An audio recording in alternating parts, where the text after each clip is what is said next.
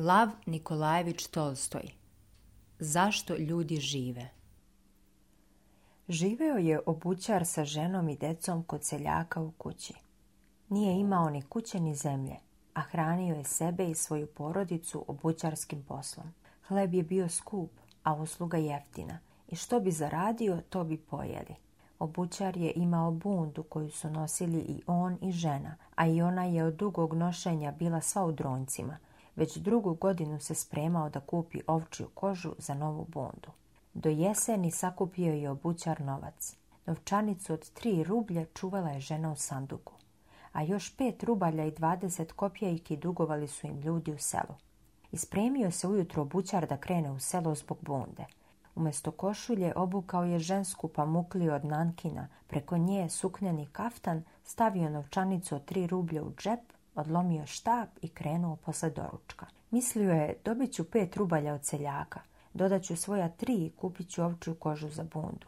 Dođe obućar u selo. Navrati jednom seljaku, nije ga bilo kod kuće. Žena obeća da će u nedelju poslati muža s novcem, a novac ne dade. Navrati drugome. Stade seljak bogoraditi kako nema novca. Dade samo 20 kopjejaka za opravku čizama. Naumi običar da na veresiju uzme ovčju kožu ali kožuhar ne dade na veresiju. Donesi veli novac, pa biraj koju hoćeš, jer mi dobro znamo kako se dugovi iskamčuju. Tako obućar ništa ne učini. Dobio je samo 20 kopjejaka za popravku i uzeo od seljaka stare valjenke da opšije kožom. Rastuži se obućar, popi za svih 20 kopjejki votke i krenu kući bez bunde. Ujutru je obućaru izgledalo hladno, a čim je popio bilo mu je toplo i bez bunde. Ide obućar putem, jednom rukom lupka štapom po smrznutom draču, a drugo maše valjenkama. Razgovara sam sa sobom. Meni je, veli, i bez bunde toplo. Popio sam čokanj, on mi je prostrujao kroz svaku žilicu. Ni kožuh mi nije potreban. Idem, zaboravio sam nevolje. Eto kakav sam ja čovek. Šta mi treba, proživeću i bez bunde. Neću vekovati s njom. Pa ipak, Žena će zanovetati. A i krivo mi je. Ti za njega radio, a on te vuče za nos. Pazi se dobro, ne doneseš li novac, ja ću ti skinuti kapu, bome skinuću. A šta ovo znači? Daje dva grivenika. Pa šta da uradim sa dva grivenika? Da popijem jedino. Veli, nemaština. Kod tebe nemaština, a kod mene nije nemaština. Ti imaš i kuću, i stoku, i sve, a ja samo ovo na sebi imaš svoje žito, a ja ga kupujem. Okreni, obrni, tri rublja nedeljno, samo za hleb se moraju dati. Čim stignem kući, već ponestalo hleba. Opet treba ispovrteti pola rublje. Zato ti daj meni moje. Dođe tako obućar do crkvice na okuci i gleda iza same crkvice belasa se nešto. Počelo je već da se smrkava. Zagleda se obućar, ali ne može da razabere šta je to. Ploče, misli, ovdje takve nije bilo. Stoka? Na stoku ne liči. Glavom liči na čoveka, ali je nekako belo. A i što bi čovek bio tu? Priđe bliže. Kao da se razdanilo. Prosto neverovatno. Odista sedi čovek. Živ ili mrtav. Tek sedi go golcat naslonjen na crkvicu i ne viče se. Prepade se obućar misli. Ubili čoveka. Svukli ga i bacili tu. Dela priđi pa se nećeš moći potom ratosiljati. Prođe obućar tuda. Zađe iza crkvice. Čovjek se više nije video. Udalji se od crkvice, okrenu se, vidi, čovjek se odupro od crkvicu. Miče se kao da se osvrće. Još se više prepade obućar, misli da priđem ili da produžim. Da priđem, pa nek bude što bude. Ko zna kakav je on. Nije od dobrote dospeo tu. Priđeš, a on skoči i stane da te davi i ne umače mu. Ako te ne udavi, morat ćeš se baktati oko njega. Šta da radim s njim ovako golim? Neću valjda da skinem sa sebe ovo prnje i da mu dam. Izbavi me Bože. I obućar ubrza korak. Poče već ostavljati crkvicu za sobom, ali savez ga grize. I zaustavi se obućar na putu. Da šta ti to veli sebi sejmio ne radiš? Čoveka zadesila nesreća, a ti se prepao. Prolaziš tuda, da se nisi obogatio. Plašiš se, opljačkaće ti bogatstvo. Eh, sjoma, ne ide tako. Okrenu se Semjon i pođe prema čoveku. Priđe Semjon čoveku, osmotri ga i vide. Čovek mlad, krepak. Ne vide se na telu udarci. Vidi se samo promrzo čovjek i preplašen. Sedi odupro se i ne gleda u Semjona. Kao da je posustao. Ni oči ne može da podigne. Priđe Semjon sasvim uza njega i na jednom čovek kao da se prenu. Okrenu glavu, otvori oči i pogleda u Semjona. I zbog tog pogleda dopade se čovek Semjonu. Spusti on valjenke na zemlju, raspasa se stavio pasač na valjenke, skide kaftan. Ima vremena, veli, popričat ćemo, obuci da rajde. Uze Semjon čoveka ispod miške, stade da ga diže.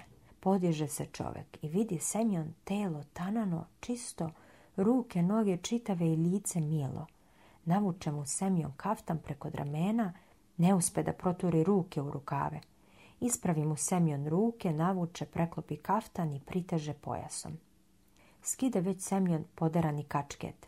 Tede da ga stavi na glavu golom, ali mu bi hladno po glavi. Misli, ja sam sasvim ćelav, a njemu je na slepočnicama kosa kovrđava, duga. Vrati kačket na glavu. Bolje da mu obojem čizme. Spusti ga i obu mu valjenke. Odenu ga obućar i veli. Tako, bratac, dela razmrdaj se i zagrej se a sve ostalo će se samo razjasniti. Možeš li da ideš? Stoji čovjek umiljato gleda u semljana, a ne može ništa da izusti. Zašto ne govoriš? Da nećeš tu zimovati, treba se skloniti u kuću. Dede, odupri se o moju agu ako si slab. Dela, kreni. I krenu čovjek. Krenu lako, ne zaostaje. Idu oni putem i semljom veli. Od kojih si dakle ti? Ja nisam ovdašnje. Ovdašnje ja znam kako si dakle dospeo ovdje kraj crkve. Ne mogu da kažem. Sigurno su te ljudi opljačkali. Nikome nije opljačkao, Bog me je kaznio. Naravno, sve čini Bog, ali ipak nekud moraš da se deneš. Kuda da te odvedem? Sve mi je jedno. Začudi se Semjan. Na prepredenjaka ne liči i govori pitomo, a o sebi ništa ne kazuje. I misli Semjan, zar je malo svega i svačega? I veli čoveku pa onda ćemo otići meni u kuću, makar da malce dođeš sebi. Ide Semjon ne zaostaje za njim neznanac, ide u korak. Dunu vetar probija Semjonu pod košulju, pijanstvo stada da ga prolazi i poče da ga prožima hladnoća.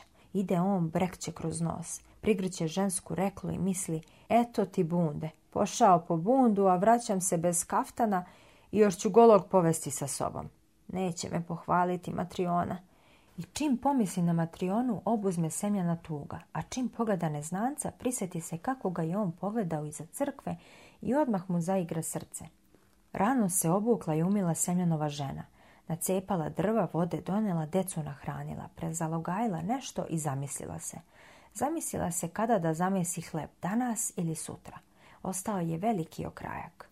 Ako misli ona Semjon tamo ruča i mnogo ne pojede za večeru, bit će hleba i za sutra obrnu okrenu matriona o krajak, misli, neću danas mesiti hleb.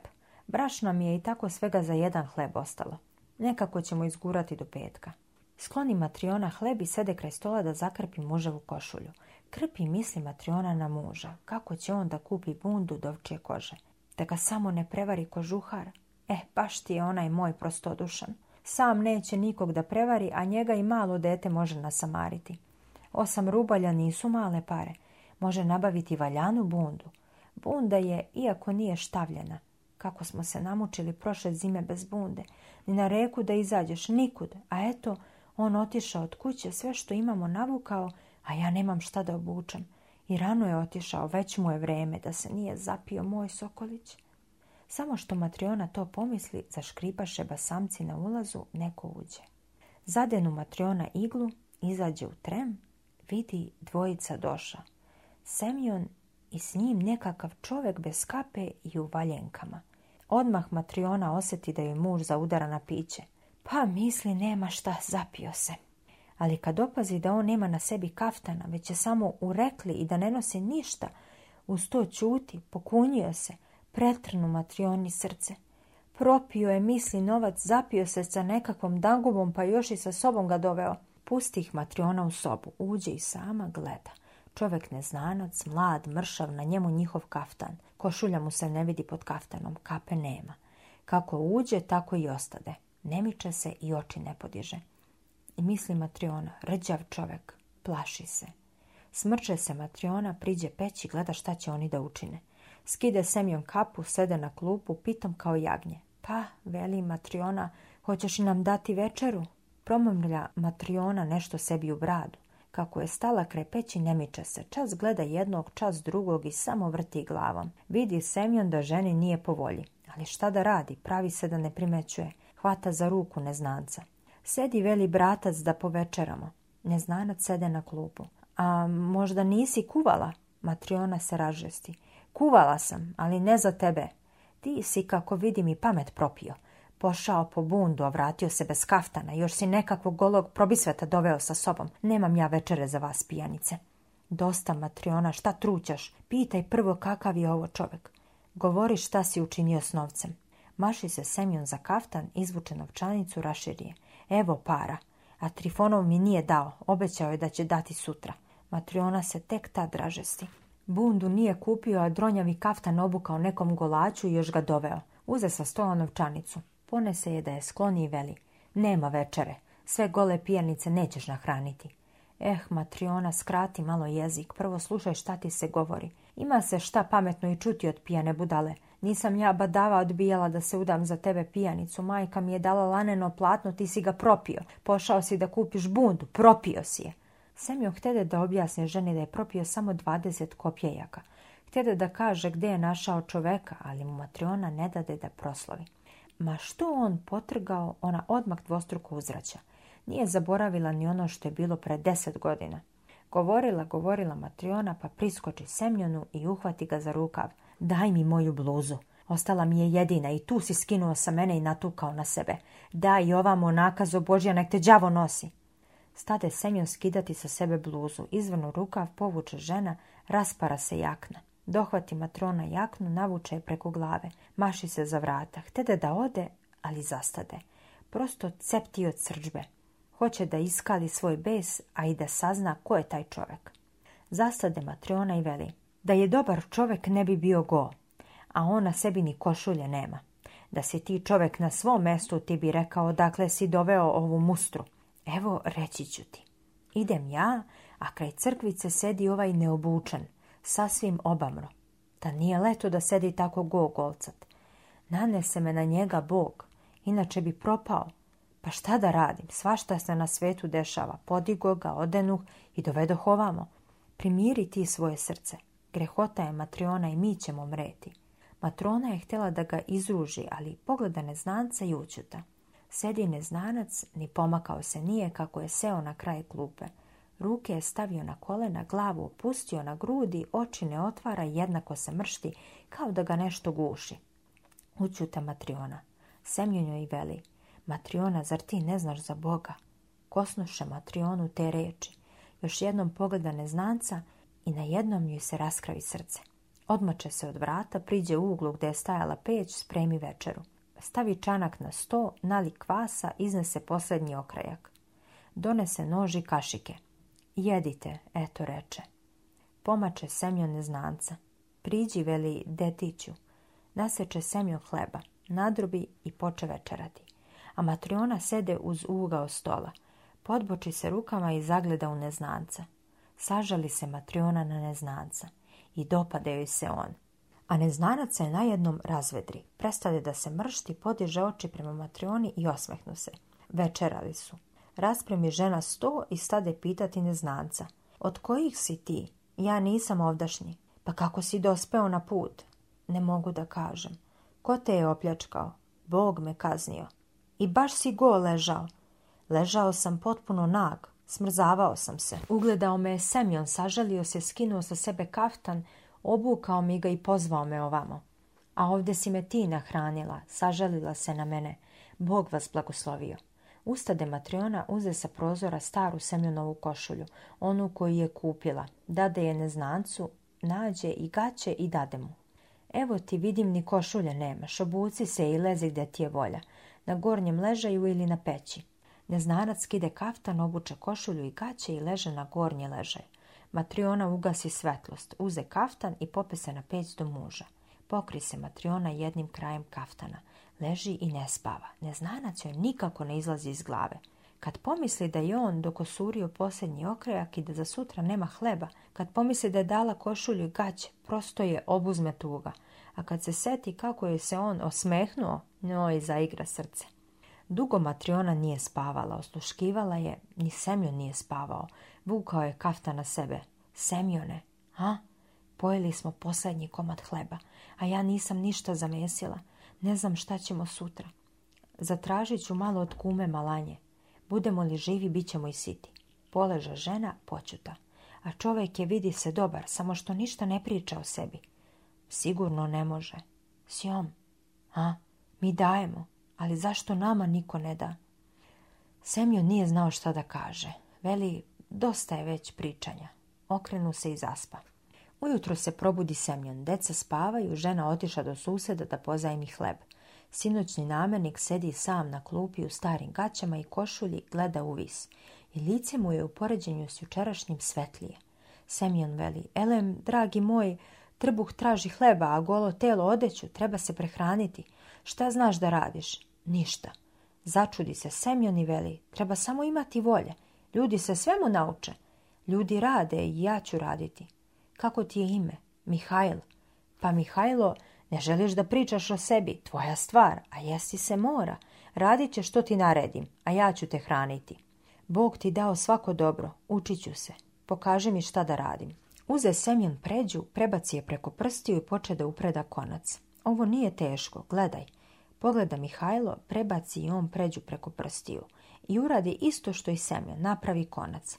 Semjon mu pokaza kako se kuva tutkalo. Mihajlo odmah shvati. Majstor mu pokaza kako se suču čekinje i kako se prošivaju čizme i Mihajlo odmah shvati.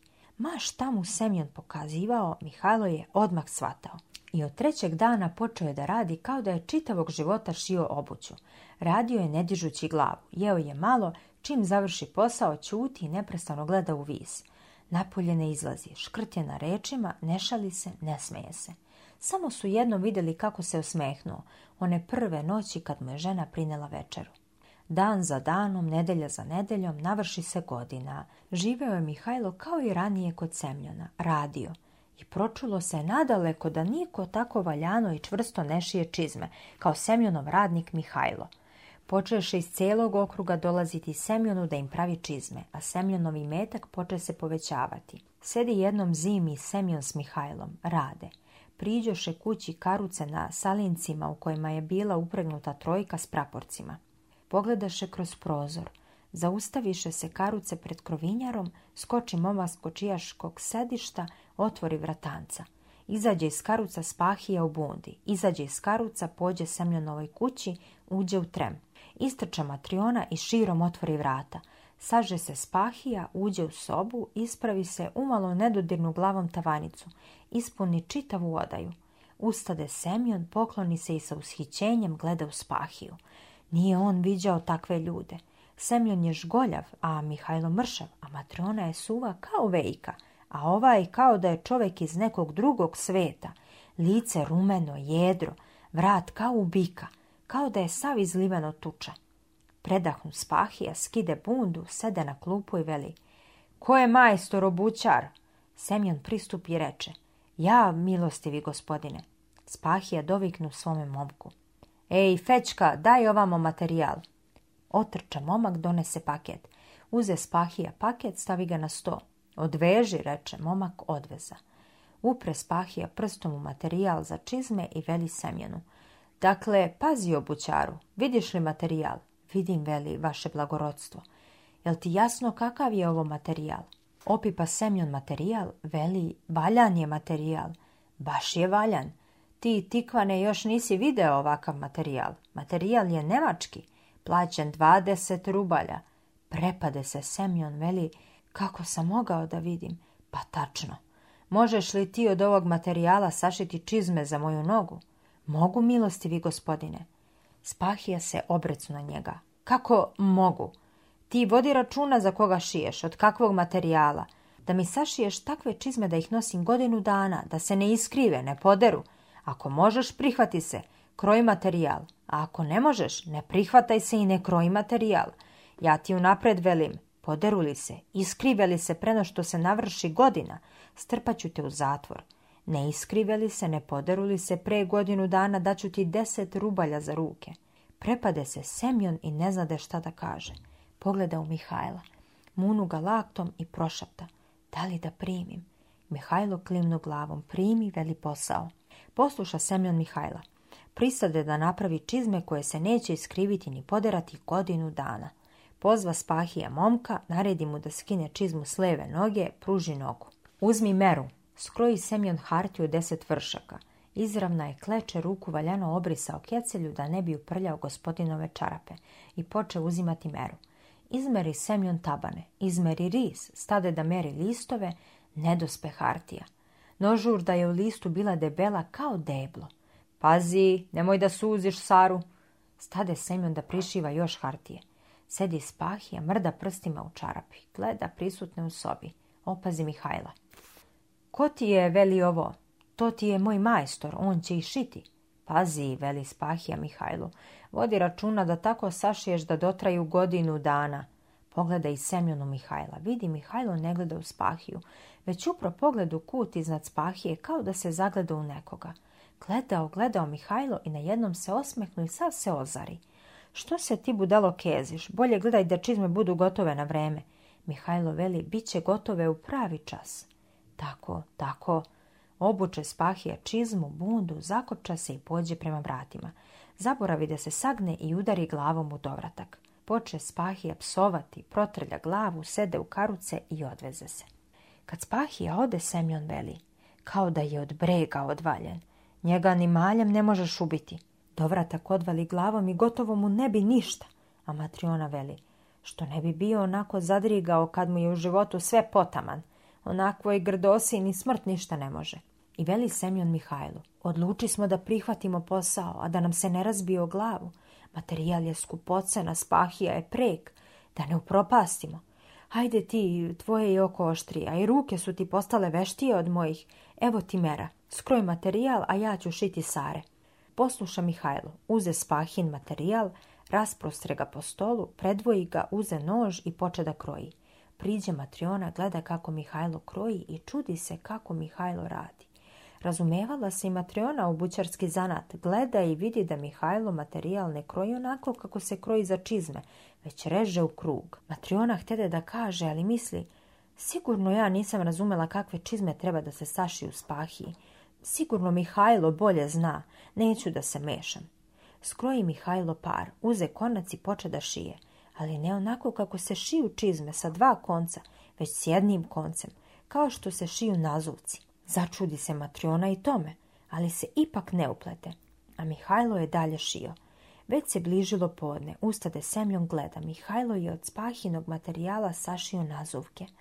Semjon se zaprepasti. Kako to misli on da Mihajlo čitave godine ruka ni jednom nije iznaverila, a sada je napravio belaj?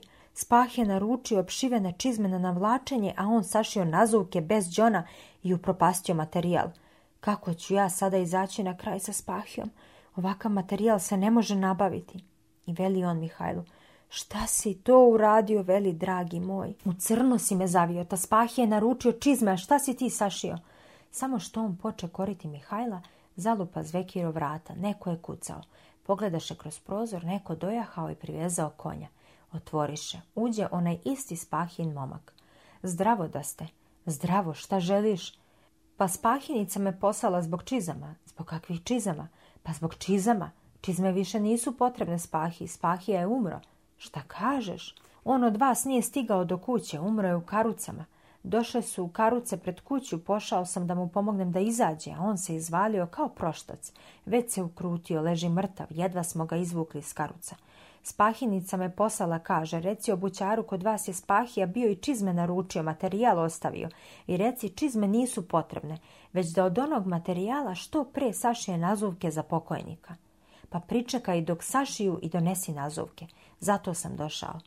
Pokupi Mihajlo sa stola ostatke materijala, savi ih u trubu, uze i gotove nazuvke, tresnu jedan u drugi, obrisa ih keceljom i pruži momku. Uze momak nazovke. Zbogom majstori svako dobro.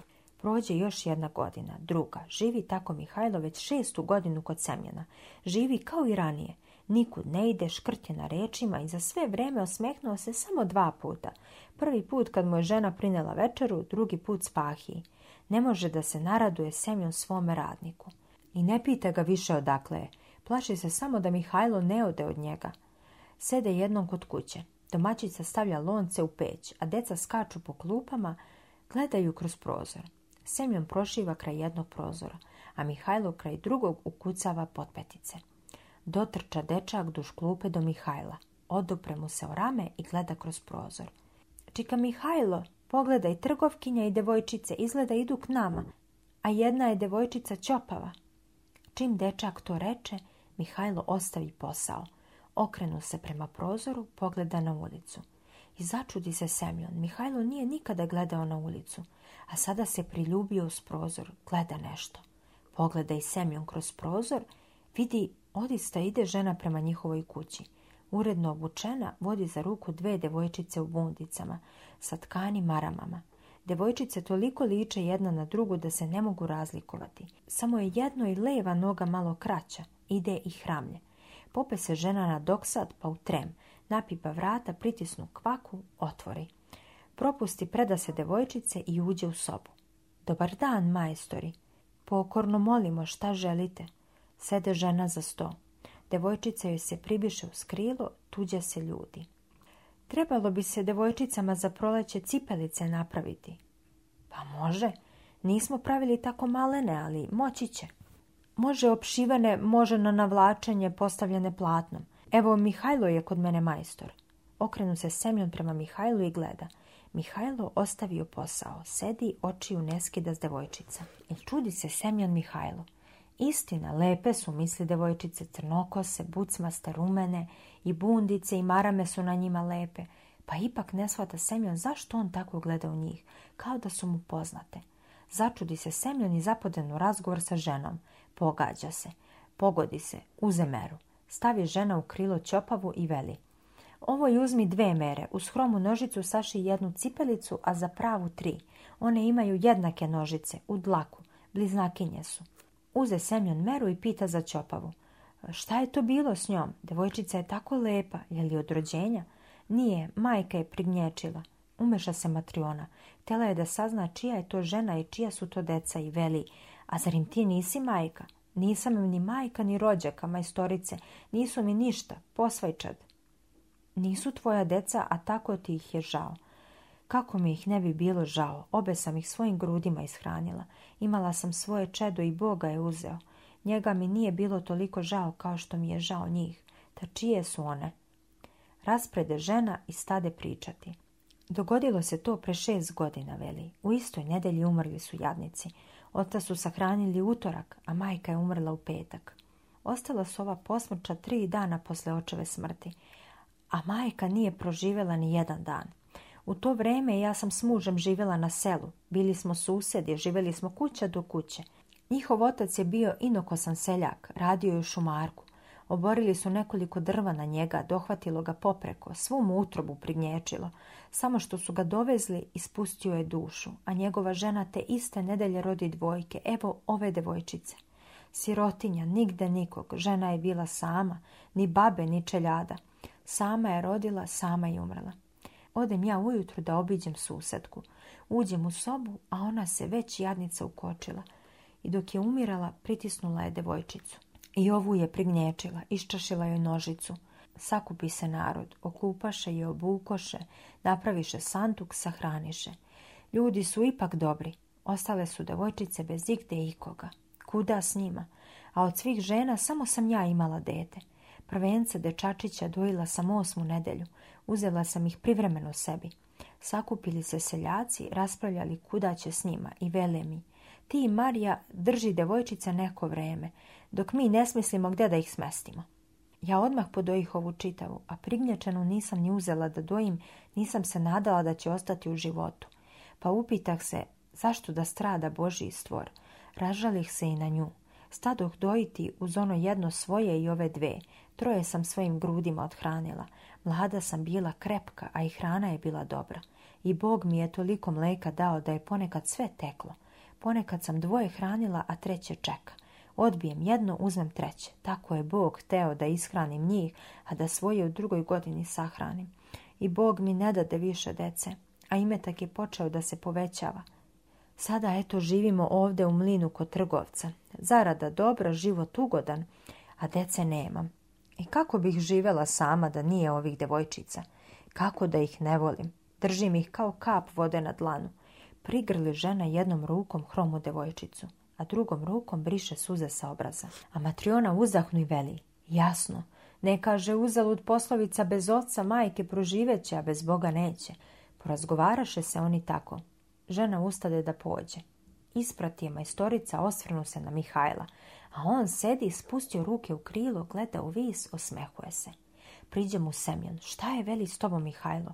Ustade Mihajlo s klupe, ostavi posao, skide kecelju, pokloni se majstoru i i reče Oprostite, dragi moji, Bog mi je oprostio, oprostite i vi. I vide majstor da uz Mihajla zrači svetlost. I ustade Semjon, poklonim se Mihajlu i reče mu Vidim ja, Mihajlo, da ti nisi običan čovek i ne mogu te zadržavati i ne mogu te pitati. Reci mi samo jedno, Zašto si kada sam te našao i doveo kući bio tmuran, a kada ti je žena prinela večeru osmehnuo si se na nju i od tog časa postao svetliji? Zatim si se kada je spahje naručivao čizme osmehnuo drugi put i od tog časa postao još svetliji. I sada si se kada je žena dovela devojčice osmehnuo i treći put i sav si se ozario. Reci mi Mihajlo, zašto takva svetlost izbija iz tebe? I zašto si se tri puta osmehnuo? i reče Mihajlo. Zato izbija iz mene svetlost što sam bio kažnjen, a sada mi je Bog oprostio. A osmehnuo sam se tri puta zato što sam morao da saznam tri reči Božije. I saznao sam reči Božije. Jednu reč sam saznao kada se tvoja žena ražalila na mene i zato sam se prvi put osmehnuo. Drugu reč sam saznao kada je bogataš naručivao čizme i drugi put sam se osmehnuo a sada kada sam ugledao devojčice, saznao sam posljednju, treću reč i osmehnuo sam se treći put. I reče Semjan. Reci mi, Mihajlo, zašto te je Bog kaznio? I koje su te reči Božje da bih i ja znao? I reče Mihajlo. Kaznio me je Bog za to što ga nisam hteo poslušati. Ja sam bio anđeo na nebu i nisam hteo da poslušam Boga. Bio sam anđeo na nebu i poslao me gospod da uzmem ženi dušu. Sleteo sam na zemlju. Vidim, leži jadna žena bolesna, rodila dvojke, dve devojčice. Meškolje se devojčice kraj majke, a majka ne može da ih prinese grudima. Ugleda me žena, shvati da me je Bog poslao po njenu dušu. Zaplaka se i veli, anđele Božiji, samo što su sahranili moga muža. Ubilo ga je drvo u šumi. Nemam ni sestre, ni tetke, ni nane, niko ko bi odgajio moje sirotice. Ne uzimaj mi dušu, pusti me da sama decu othranim, odgajim, izvedem na put. Ne mogu deca živjeti bez oca i bez majke. I poslušah ja majku. Prinesoh joj jednu devojčicu na grudi, stavih drugu majici u naručje i podigoh se Bogu na nebo. Dolete gospodu i rekoh, ne mogu ja uzeti dušu porodilji. Oca je ubilo drvo, a majka je rodila dvojke i moli da ne uzimam dušu iz njeveli. Daj mi da decu othranim, odgajim, izvedem na put. Ne mogu deca živjeti bez oca i bez majke. Ne uzeh ja dušu porodilji. I reče gospod, idi uzmi dušu porodilji i saznaćeš tri reči. Saznaćeš šta je u ljudima i šta ljudima nije dato i zašto ljudi žive. Kad doznaš, vratit ćeš se na nebo. Odleteh nazad na zemlju i uzeh dušu porodilji. Paduše odojčec grudi, opruži se na krevetu mrtvo telo, prignjači jednu devojčicu, iščaši joj nožicu. Uzletih iznad sela. Hteo sam da odnesem dušu Bogu. Zahvati me vetar, krila mi se otkidoše, otpadoše i duša ode sama Bogu. A ja padoh kraj puta na zemlju. I semljeni matriona shvatiše koga su obukli i nahranili i ko je živeo sa njima. I zaplakaše od straha i radosti. I anđeo reče, ostadoh ja sam, go u polju. Ja ranije nisam poznavao ljudske potrebe, nisam znao ni za hladnoću, ni za glad i postao sam čovjek. Ogladnio sam, promrzao i nisam znao šta da radim. Ugledah u polju crkvicu napravljenu slavu Božju, dođoh sam do Božje crkvice. Hteo sam da se u njoj sklonim. Crkva je bila zatvorena katancima i nije se moglo ući. I ja sedoh iza crkvice, da bih se sklonio od vetra.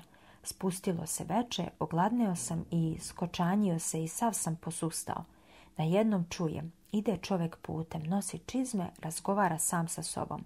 ja sam prvi put od kako sam postao čovjek video ljudsko lice. I to lice mi se učinilo strašno.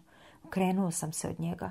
I čujem ja šta taj čovjek govori sam sa sobom o tome kako da svoje telo sačuva od studeni za vrijeme zime, kako da prehrani ženu i decu. I pomislih. Ja stradam od hladnoće i gladi.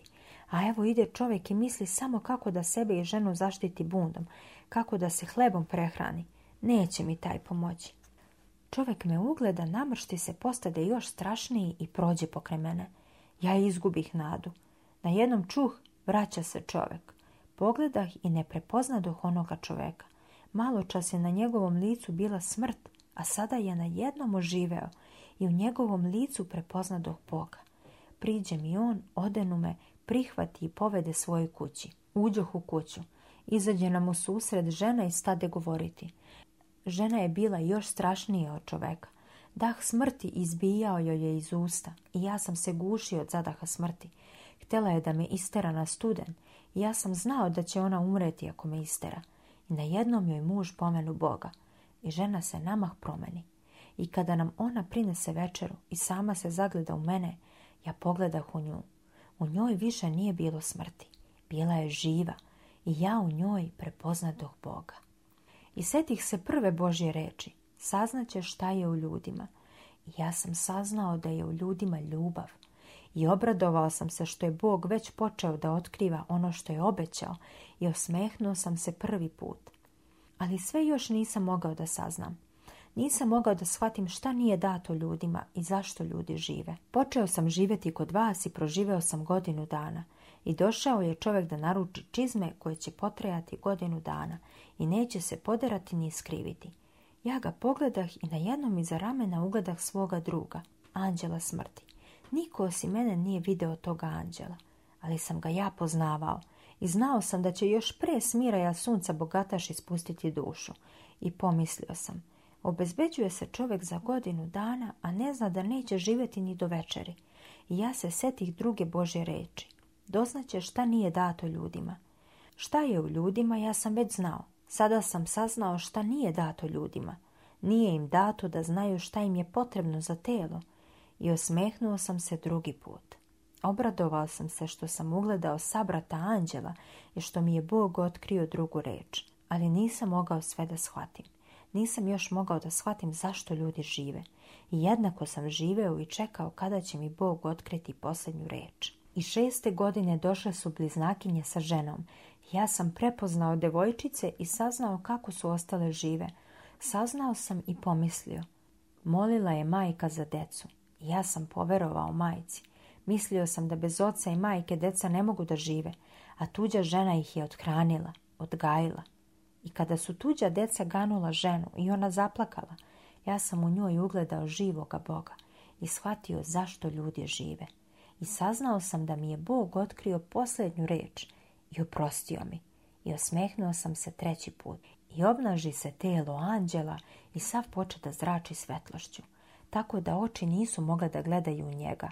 I progovori on glasnije. Reklo bi se ne iz sobe, već je s neba dolazio njegov glas i reče anđeo – ja sam saznao da svaki čovjek živi ne zato da bi se starao o sebi, već zbog ljubavi. Majci nije bilo dato da zna šta je njenoj deci potrebno za život. Nije bogatašu bilo dato da zna šta je njemu samom potrebno i nije dato ni jednom čoveku da zna da li su mu do večeri potrebne živom čizme ili mrtvom nazovci. Ostao sam živ kada sam bio čovek ne zato što sam se snašao, već zato što je u čoveku koji je prolazio i u njegovoj ženi bila ljubav i što su se oni sažalili na mene i zavoljeli me. Ostale su žive sirotice ne zato što su uspjele da se snađu, nego zahvaljujući tome što je bila ljubav u srcu tuđe žene i ona se sažalila na njih, zavolela ih. I svi ljudi žive ne zato što umeju da se snađu, već zato što je ljubav u ljudima. Ranije sam znao da je Bog dao ljudima život i da želi da oni žive, Sada sam shvatio nešto drugo. Shvatio sam da Bog nije želeo da ljudi žive svaki za sebe i zato im nije otkrio ono što je svakom od njih potrebno, već je želeo da oni žive zajedno i zato im je otkrio ono što je svakom pona osob i svima skupa potrebno.